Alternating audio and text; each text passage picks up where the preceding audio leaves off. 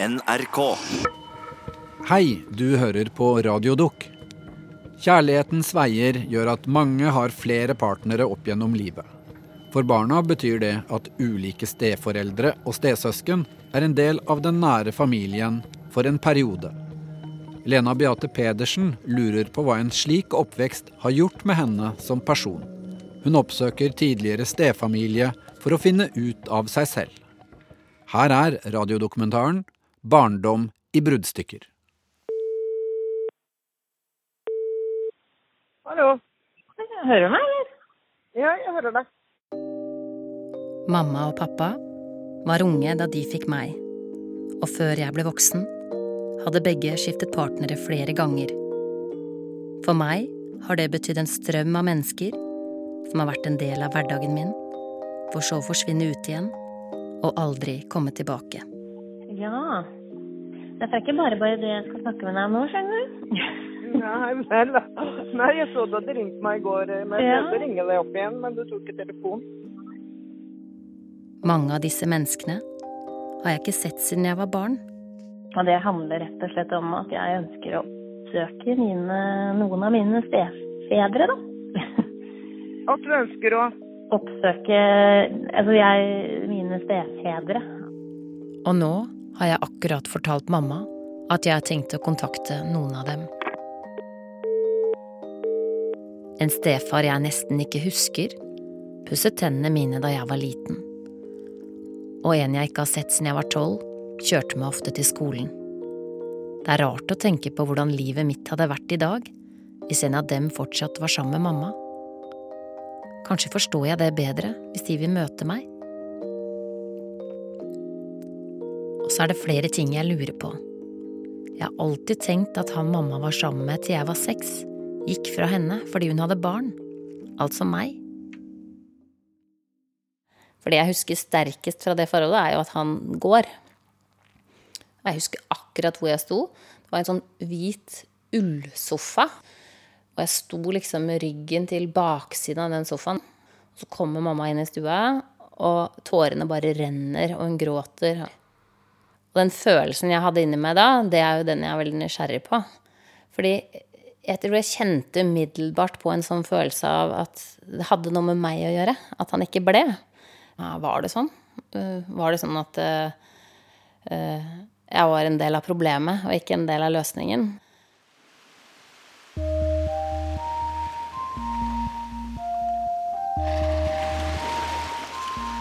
Når jeg skal se for meg han som jeg mistenker at forlot mamma fordi hun hadde meg, ser jeg en nydusjet mann med håndkle rundt livet, solbrun og smilende, sammen med mamma. Dette husker jeg kun fordi jeg har bladd i album fra jeg er liten. Under bildet står det Tenerife. De ser pene og glade ut begge to. Jeg er ikke med på den sydenturen. Og jeg bodde jo en uke hos mamma og en uke hos pappa på den tiden. Eh, Så jeg tror de tilbrakte mest tid uten meg. Så kan nok hende at den biten var mer attraktiv enn den tiden med meg, selv om jeg opplevde den som veldig idyllisk og lykkelig, da.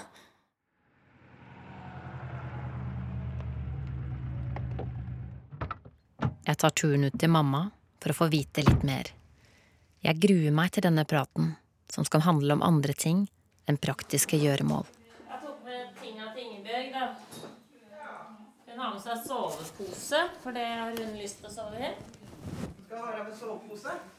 Mamma er en ivrig bestemor, og i dag skal hun hente min tre år gamle datter i barnehagen.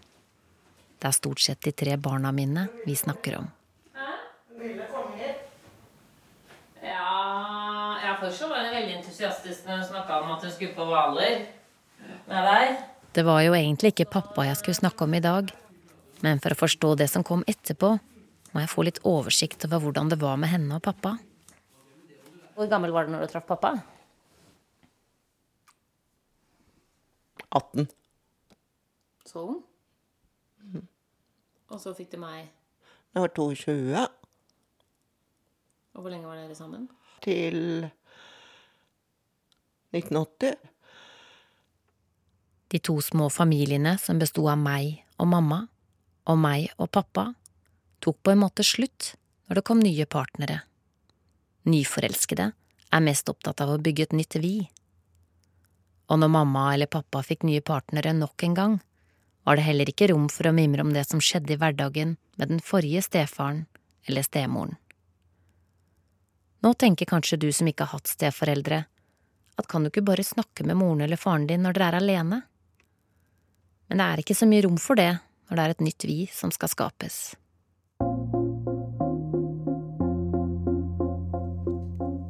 Jeg lurer veldig på hvorfor jeg har gjort den første kjæresten mamma hadde etter pappa, til et slags stefarideal, selv om jeg knapt husker ham.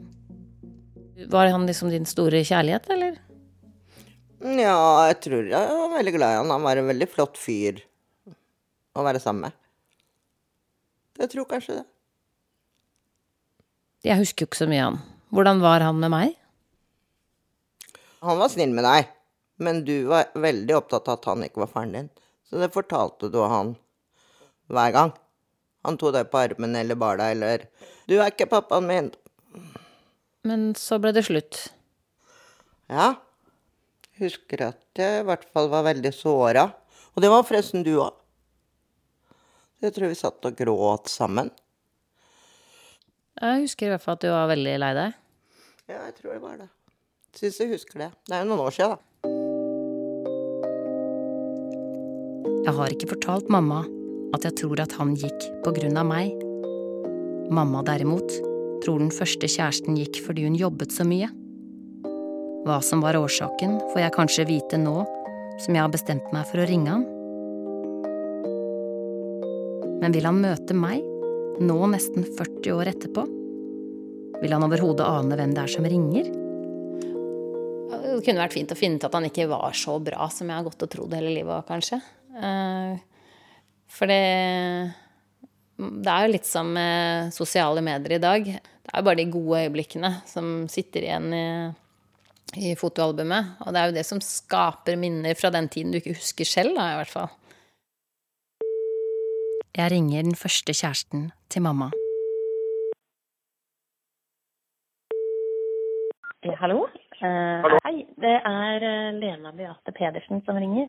Han husker hvem jeg er, og sier han har hørt meg lese nyhetene på radioen, og jeg kjenner meg glad fordi jeg ikke er et glemt kapittel i livet hans. Det betyr noe, bare det å bli husket. Han går med på å møte meg, og jeg er spent på å få høre hvor stor del av livet mitt han var, og hvorfor han egentlig gikk fra mamma. Jeg traff eh, mora di første gang. Eh, det var sommer. Eh, det var sol dagen etter. Og vi satt og prata, fikk en connection, så hun fulgte henne hjem. På morgenen etter, når jeg ikke hadde klart å karre meg hjem For vi var tross alt Oslo ute og var ute av byen. Så kom du og faren din og skulle ha med mora di på båttur. Ja, da tenkte jeg at uh, uff a meg. Jeg så deg ikke da, men da hørte jeg det. Da snakka du sammen med faren din og mora di, og det la meg nesten under dyna og sov at jeg håper jeg ikke løper inn på soverommet til mora si, ikke sant? Jeg eh, var kanskje på et sted som ikke skulle vært på den tida, når dere skulle på båttur. Ble hun med på båttur? Nei da. Du og faren din dro på båttur, og mora di blei eh, hjemme med meg den søndag formiddag. Jeg dro aldri hjem etter den kvelden. Så var jeg vel der i om det var 18 måneder eller noe sånt. da. Jeg kan ikke huske en eneste middag som jeg har delt med han. Han forteller at vi har feiret julaften sammen. Jeg husker verken at vi har feiret jul eller vært på ferier. Jeg husker bare det vi har bilder fra. Bortsett fra én ting, og det er når han har gjort det slutt med mamma. Jeg tror at hvis jeg skulle øh, etablere meg et langvarig forhold, få barn, etablere meg, så ville det være på mine premisser fra scratch, og ikke kommet i en, en litt bygd grunnmur, på en måte. Og, og sånn, sånn var det, og sånn blei det. Så var det altså riktig. Den følelsen jeg hadde inni meg som liten jente, stemmer. For han gikk fra mamma på grunn av meg. Jeg ville bare ha én, ikke noen som jeg kunne være sjalu på, som satt fokus bort fra meg når jeg ønska det. Hva slags rolle tenkte du at du hadde i mitt liv på den eh, tida?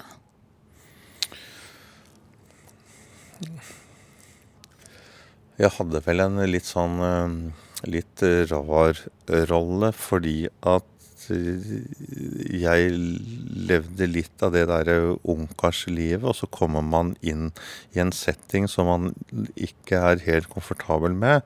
Men, men, eh, men skjønnheten til, til da mora di var sånn at det blei bare sånn, på en måte. Men bare for å bore litt til. Jeg husker ikke hvordan jeg var, men kan du huske noen sånne episoder hvor du egentlig bare ville slappe av med dama? Ja, jeg tror nok at jeg kan huske at du var litt sjalu på meg som hadde tatt kontakten fra moren din, sånn at du ikke fikk 100 eh, oppmerksomhet. Det tror jeg. Så, så blir det jo litt eh, de tingene også som kan høres rart ut og banalt ut i ettertid. Men, men jeg, jeg, følte litt på det noen ganger, at det var litt kamp om uh, den flotte kvinnen. Kan du huske hvordan du reagerte i sånne situasjoner?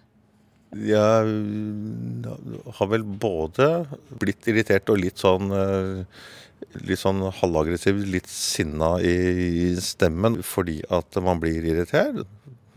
De som har da vært 10-15-20 år eldre, de har takla det på en helt annen måte. Men det var vanskelig for meg som var uh, så ung.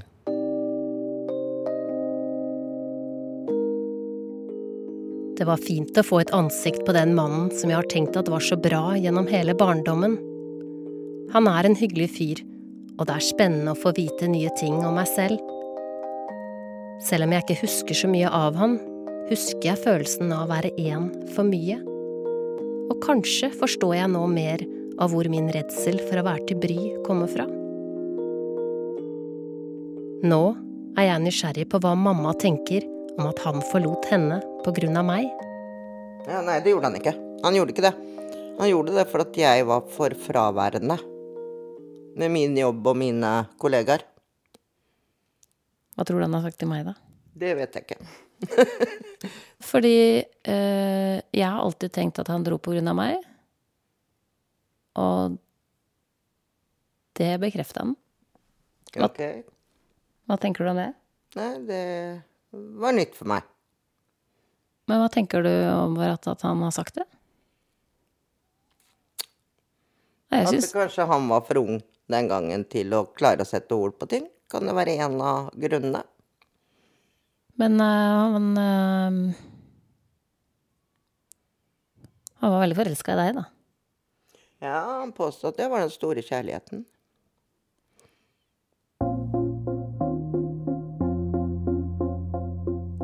Men så var det han uh, dansken, da.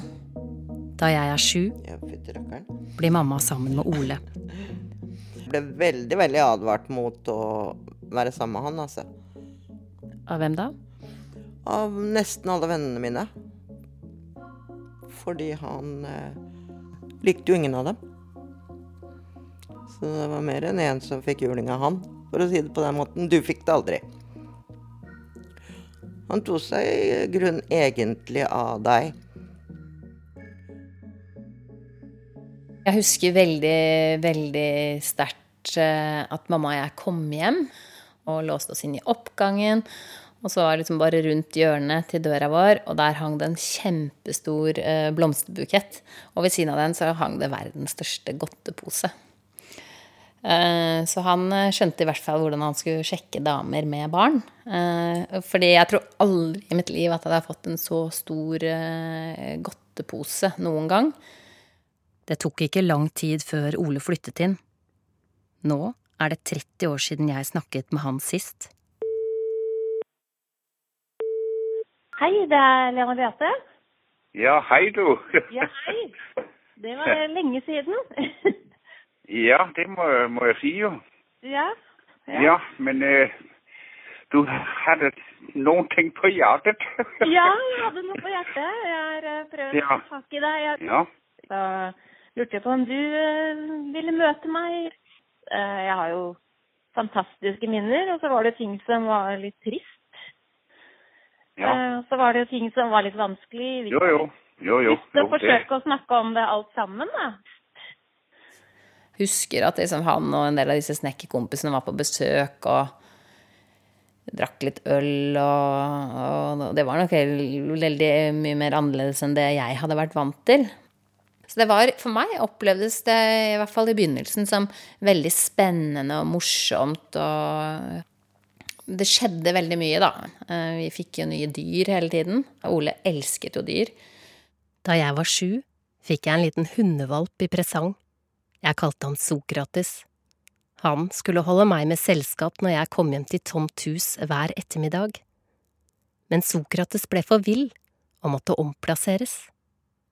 Husker jeg hadde låst meg inn på badet. Og jeg var helt fra meg og, og gråt eh, når den hunden dro.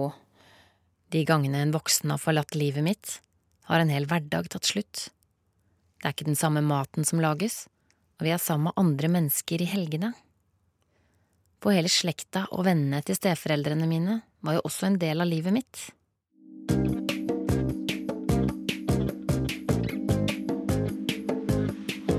Ole bor i byen Nakskov, to timer utenfor København. Han vil gjerne ha besøk.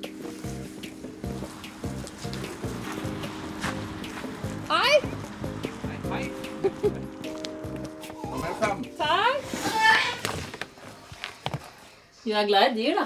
Ja, ja. Det første som møter meg når jeg kommer inn døra hos Ole, er en papegøye i bur og en logrende liten hund på gulvet.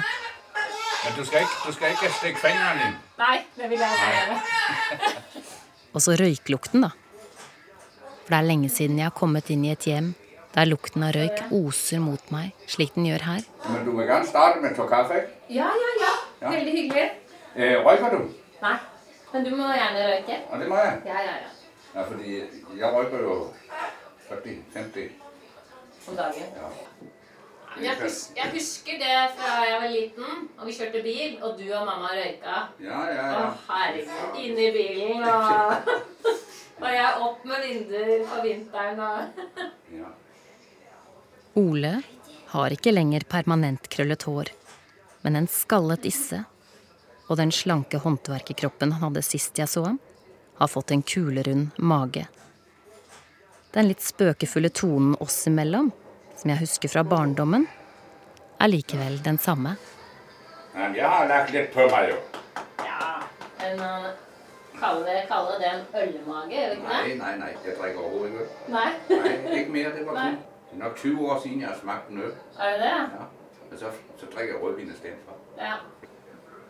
Ja, ja, men jeg Men tror, at kaffen den er lige ved at blive Ja. klar, så. Så skal jeg prøve at se, om jeg kan få hende til at falde til ro.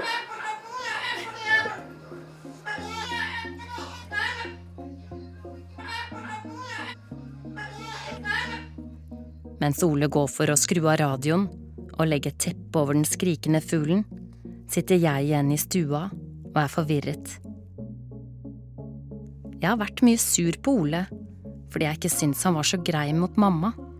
Men akkurat nå føles det veldig riktig å sitte her og skravle og mimre.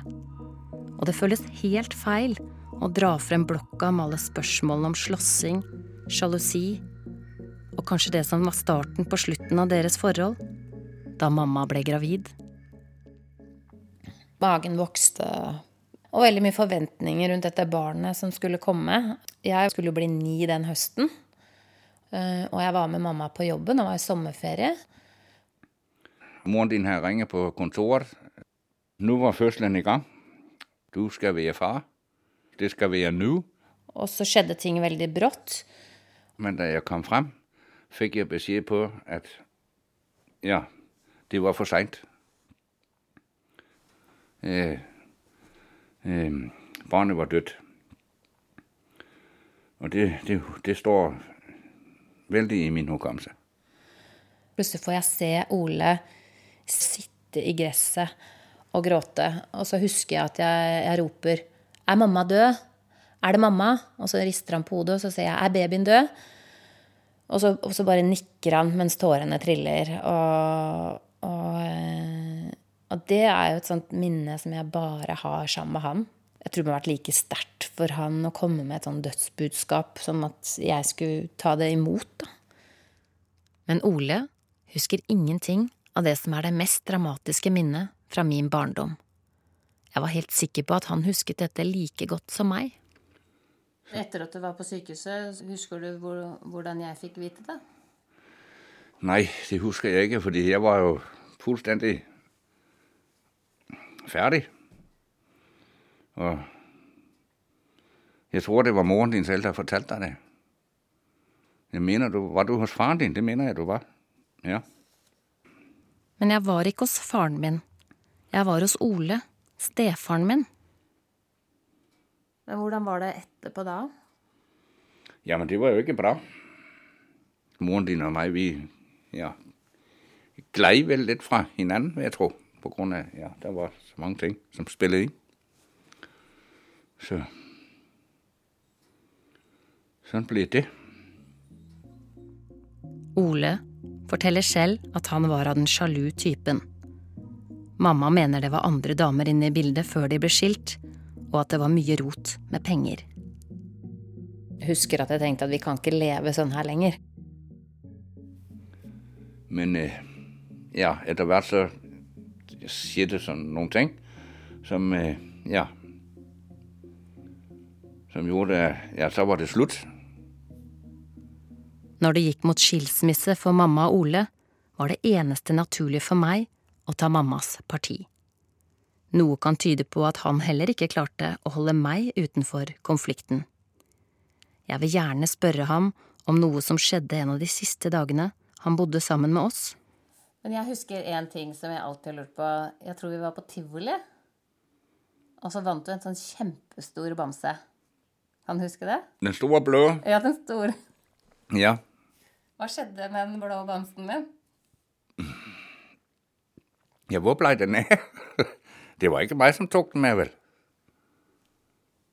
Hm? Nei, det tenker jeg ikke. Har jeg gjort det, så har jeg vært en feil fyr. jo, kanskje jeg har gjort det. Ja, nå blir jeg da ikke av det. Ja, jeg husker at jeg hadde den inn på rommet mitt, og så var den borte en dag. Har jeg virkelig tatt den med? Ja, det har jeg så. det husker jeg ikke. Ja, det er, det er, det er ikke jeg. Skal gå til. For da var det litt sånn snakk om etterpå at du hadde fått en ny kjæreste med nye barn. Så jeg lurte litt på om du hadde gitt den til dem. Nei, det tror jeg ikke jeg har. Nei. Jeg tror tvert imot Anders fikk den, eller Lars. At han hadde gitt bamsen til en av sønnene sine, får være greit. Ja, det er bra. Det er godkjent. Ja, det er godt. ja. Da det ble slutt mellom mamma og Ole, var det mye uvennskap, og for meg var det umulig å tenke seg at vi skulle holde kontakten etter bruddet. Kunne du tenkt deg å holde kontakten med meg, for eksempel? Jamen, vet du hva? Helt ærlig, så har jeg titt tenkt på hvorfor at øh, jeg og du ikke er venner på Facebook. Du er venner med mine øh, barn, men ikke meg. Men jeg har ikke turt å ta kontakt til deg. Og jeg tenker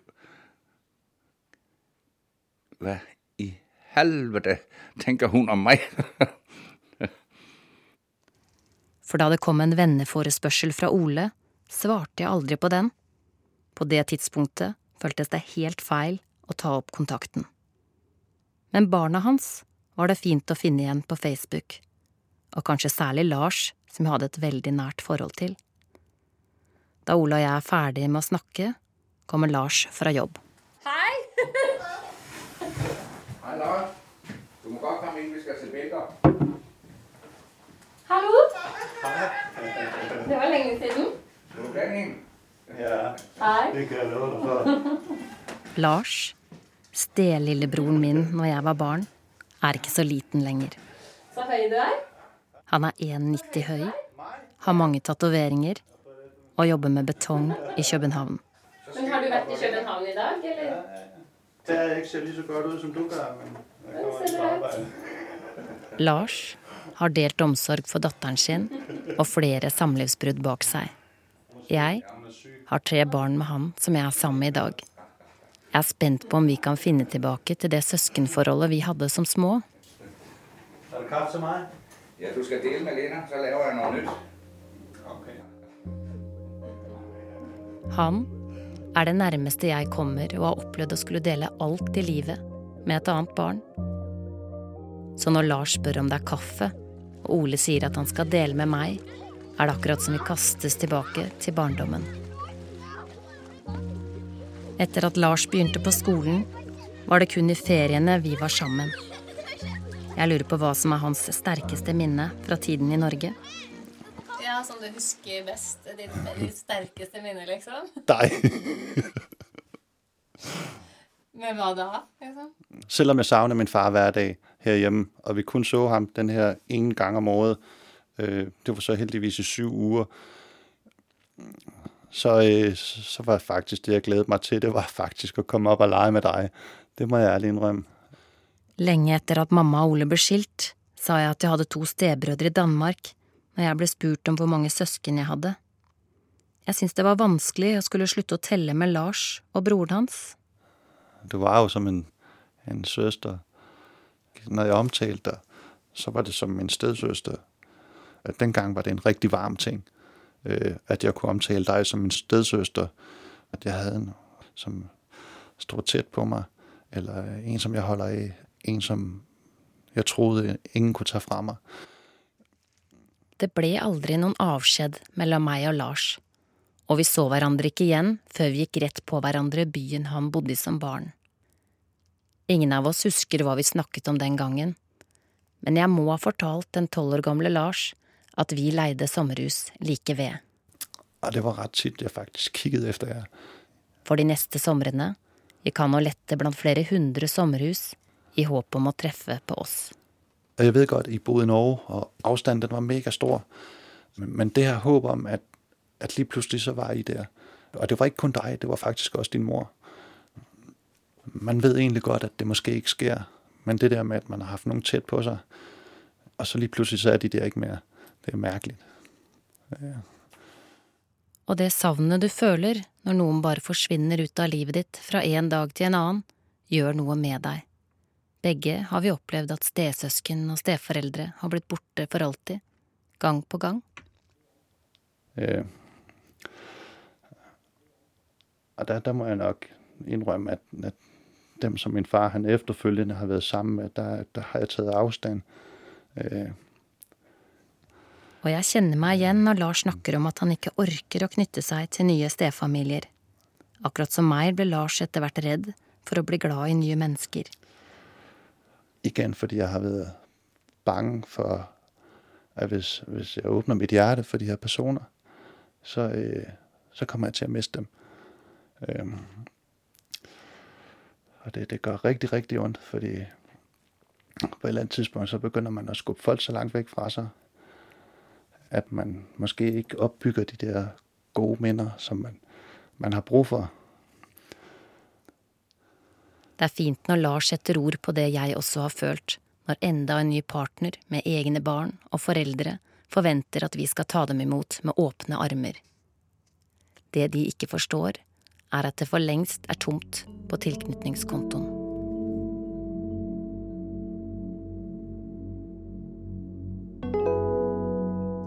Fra jeg er tolv, bor mamma og jeg for oss selv.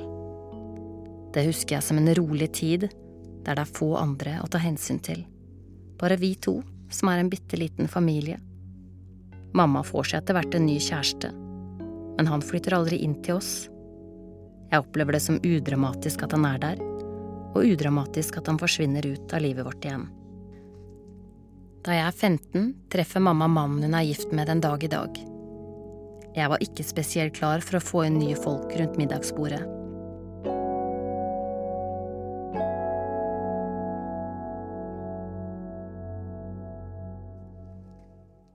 Men jeg har også selv vært den som gikk og aldri kom tilbake.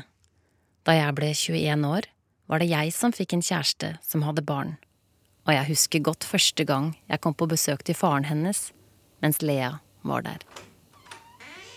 Så spurte han meg da, veldig stolt om jeg hadde lyst til å se på henne. Og så listet vi oss inn på soverommet, og der lå hun i en sprinkelseng. Med lyst hår og masse krøller. Og lå og sov og var utrolig søt. Og jeg husker at jeg fikk litt sånn vondt inni meg, for hun var så liten, ikke sant. Og så hadde hun jo da foreldre som bodde hver for seg. Og jeg kjente veldig på et sånt ansvar. Her kommer jeg inn i livet ditt. En hverdag med en toåring sto i sterk kontrast til det livet jeg elsket å leve. Turer på byen der jeg vandret hjem med skoene i hånda på morgenkvisten. Filmkveld i kollektivet og hytteturer med snowboardkjøring. Jeg så aldri på meg selv som noen stemor, men det var viktig for meg å ikke være et negativt element i livet hennes. Jeg hadde for mange dårlige erfaringer med steforeldre til at jeg kunne la det skje. Eh, jeg husker eh, en kveld hvor vi oppdaget at hun hadde masse prikker. Eh, og da hadde hun fått vannkopper, og hun klødde utrolig mye. Hun hadde ekstremt mye vannkopper. Og da lå hun mellom oss i, i dobbeltsengen, og da hadde vi jo fått kjøpt sånn hvitvask. Og det var jeg som lå og penslet hvitvask på henne om natten. Og før jeg innså at det aldri kom til å bli pappaen hennes av meg for alltid, hadde jeg rukket å bli skikkelig glad i et barn som ikke var mitt.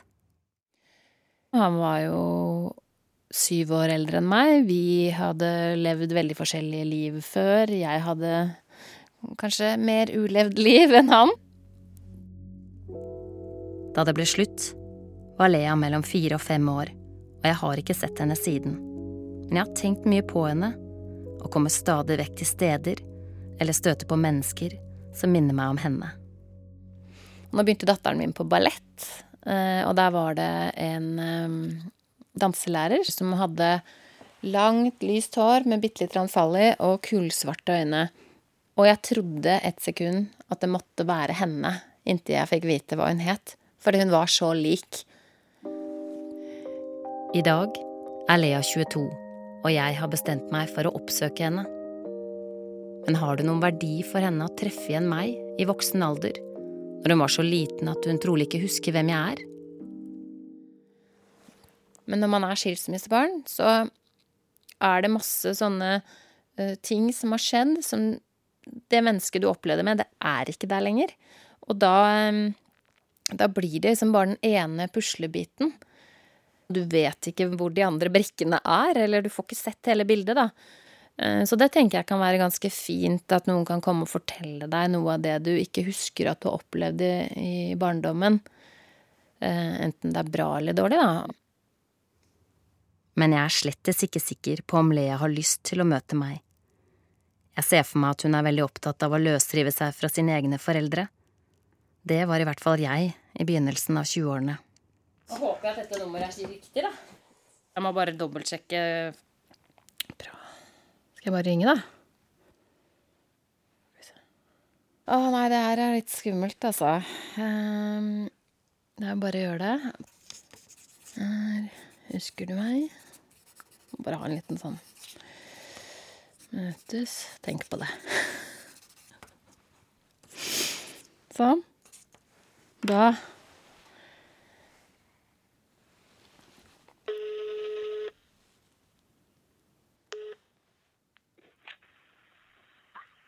Hallo? Hallo?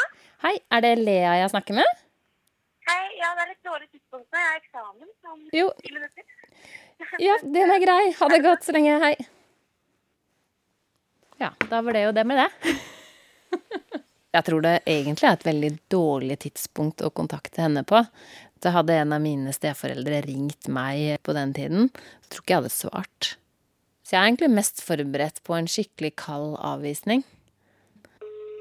Jeg venter noen dager før jeg forsøker å ringe Lea igjen. Ja, hei, det er Lena som ringer deg. Det var jeg som ringte deg her om dagen rett før du skulle ha eksamen. Passer det å sn snakke litt med meg nå? Ja, hei, du, jeg heter Lena, og jeg kjenner deg fra du var liten fordi jeg var kjæreste med pappaen din. Jeg vet ikke om du engang husker meg? Eh, nei, det er jeg litt usikker på. Nei, det skjønner jeg. Selv om ikke du husker meg så godt, så har jeg vært veldig mye sammen med deg. Og jeg har tenkt på deg og lurt på hvordan det går med deg. Og så da lurte jeg på om du hadde lyst til å møte meg og bare Jeg er bare litt nysgjerrig på om du husker noe i det hele tatt, eller Ja, eh, altså Jeg kan godt være med på det. Jeg har masse bilder av deg også. Ja, det tenker jeg også.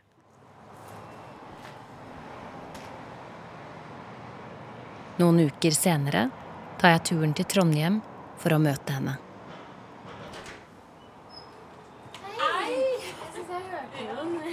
Jeg kjenner henne igjen med en gang. Øynene er akkurat de samme. Håret er ikke lenger kort og krøllete, men langt med fall i.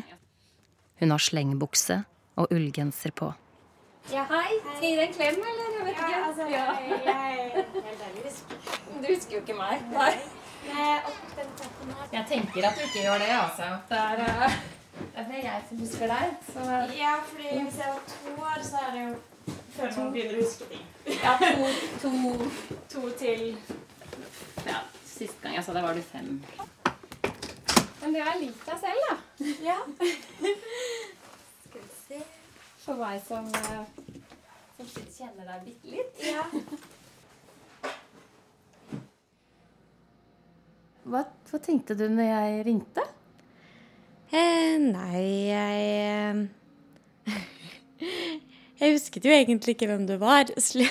Sånn at eh, eh, Jeg vet jo at foreldrene mine har hatt kjærester opp igjennom fordi de var unge når de fikk meg. Men, eh, men eh, jeg husket jo ikke spesifikt deg, da. Men det var jo hyggelig å få tilsendt bilde og sånn.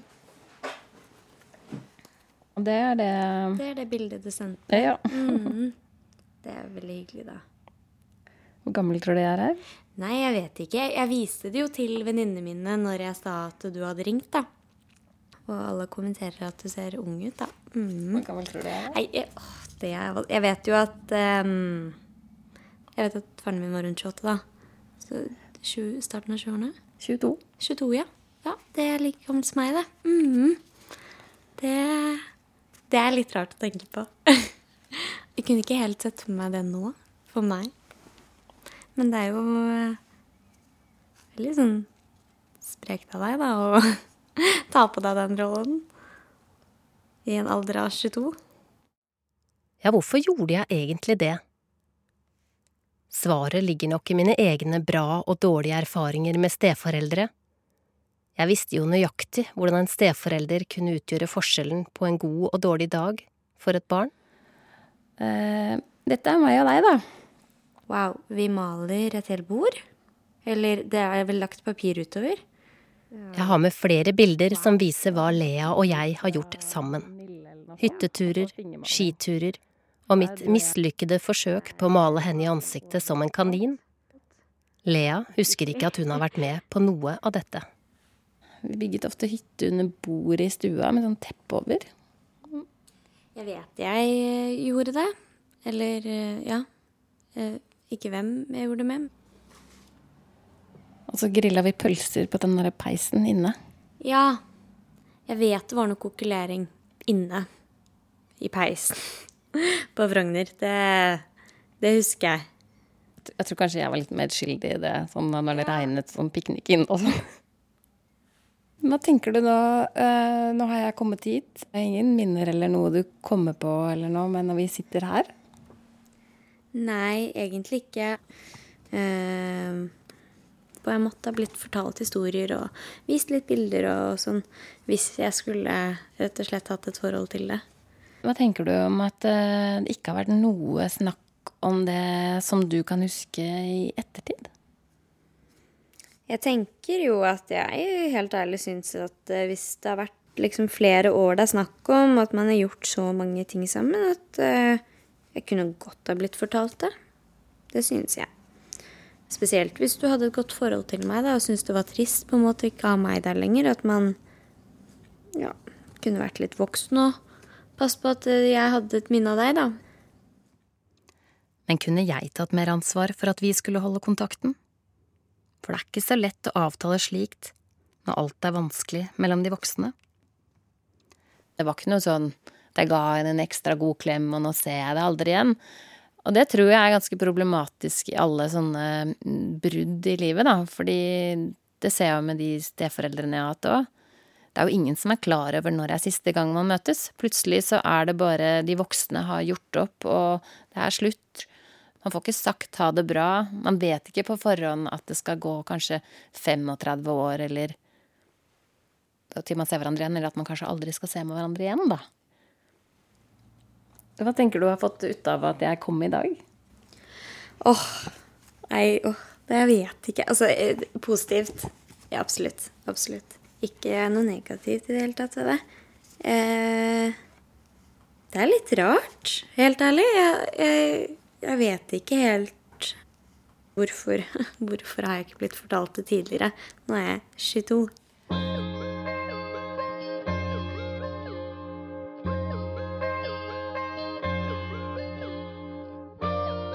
Lea husker ikke meg. Før jeg skulle besøke henne, tenkte jeg at det ikke var så farlig. Men etter at vi har sittet i sofaen hennes og pratet noen timer, kjenner jeg at jeg syns det er litt leit at hun ikke aner at jeg noen år var en del av hverdagen hennes.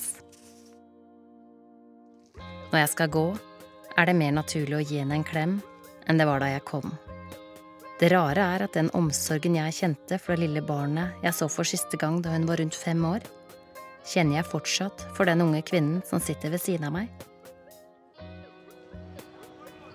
Etter besøket hjemme hos Lea går jeg litt rundt på måfå i Trondheim sentrum. Jeg går og tenker på at jeg gjerne skulle hatt Lea som voksen bonusdatter i dag, selv om faren hennes og jeg ikke klarte å være kjærester.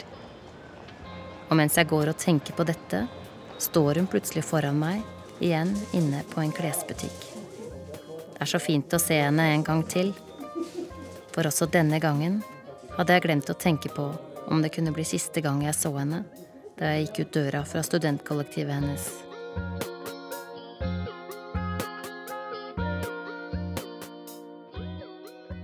Men, eh, men tenkte du noen gang over, eh, over liksom, disse menneskene som kom inn i, livet, inn i livet mitt og ut av livet mitt, eller?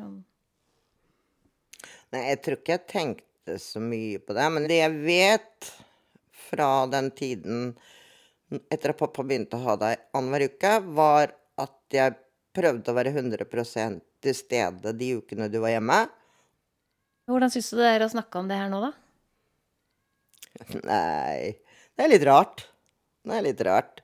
Det er liksom ting jeg ikke har tenkt på Ja, det blir noen år, da. 30, snart 40 år, kanskje. For vi har ikke snakka noe særlig om disse tingene, vi? Nei, ikke noe særlig. Men hvorfor tror du vi ikke har gjort det? Nei, det vet jeg ikke. Hvorfor vi ikke har gjort det. Burde kanskje ha snakka mer om det. Men vi har ikke gjort det. Ikke så ofte. Når mamma eller pappa fikk seg nye partnere, var det ikke lenger naturlig å mimre om det som skjedde i hverdagen med den forrige stefaren eller stemoren. Eller, det var lett å snakke om de dårlige tingene som skjedde under bruddet, men hva med det som var bra? Minner om krabbekoking og kjæledyr vi hadde, eller fine ting som en stefar hadde gjort? Men så sa jo du til meg en gang at jeg helst ikke skulle snakke om at uh, du hadde hatt noen forhold mellom pappa og Ole Jørgen, da. Overfor familien til Ole Jørgen. Husker du det? Ja, det kan godt hende. Fordi at uh, det var ikke noe tema. Jeg, jeg, følte ikke at det var noe de trengte å bli informert om. På noe som helst måte.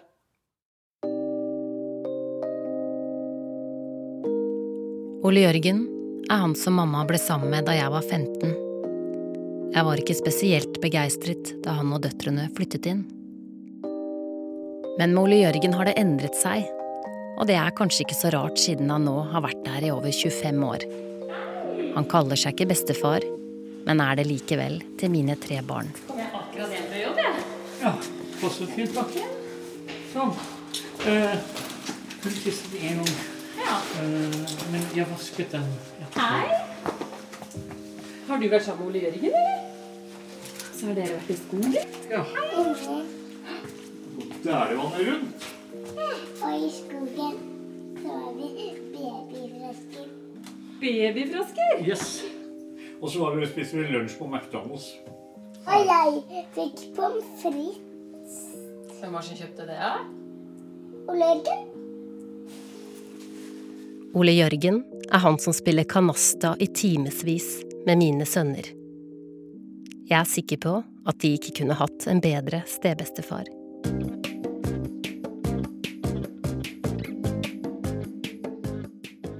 Nå som jeg har møtt mine tidligere stefedre, er det lettere å forstå hvem de var for meg som liten, og hvem de kunne vært for meg som voksen.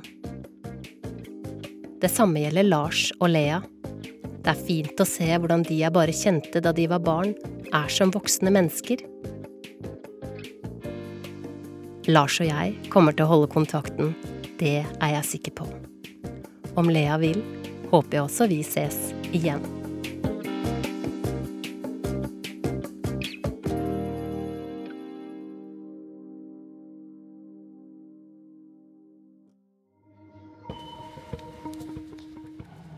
Du har hørt 'Barndom i bruddstykker' av Lena Beate Pedersen. Lyddesign ved Kjetil Hansen, konsulent Line Alsaker. Har du lyst til å dele noen reaksjoner med oss, så svarer jeg som heter Kjetil Saugestad på alle e-poster sendt til radiodok krøllalfa nrk.no. Et tips til slutt.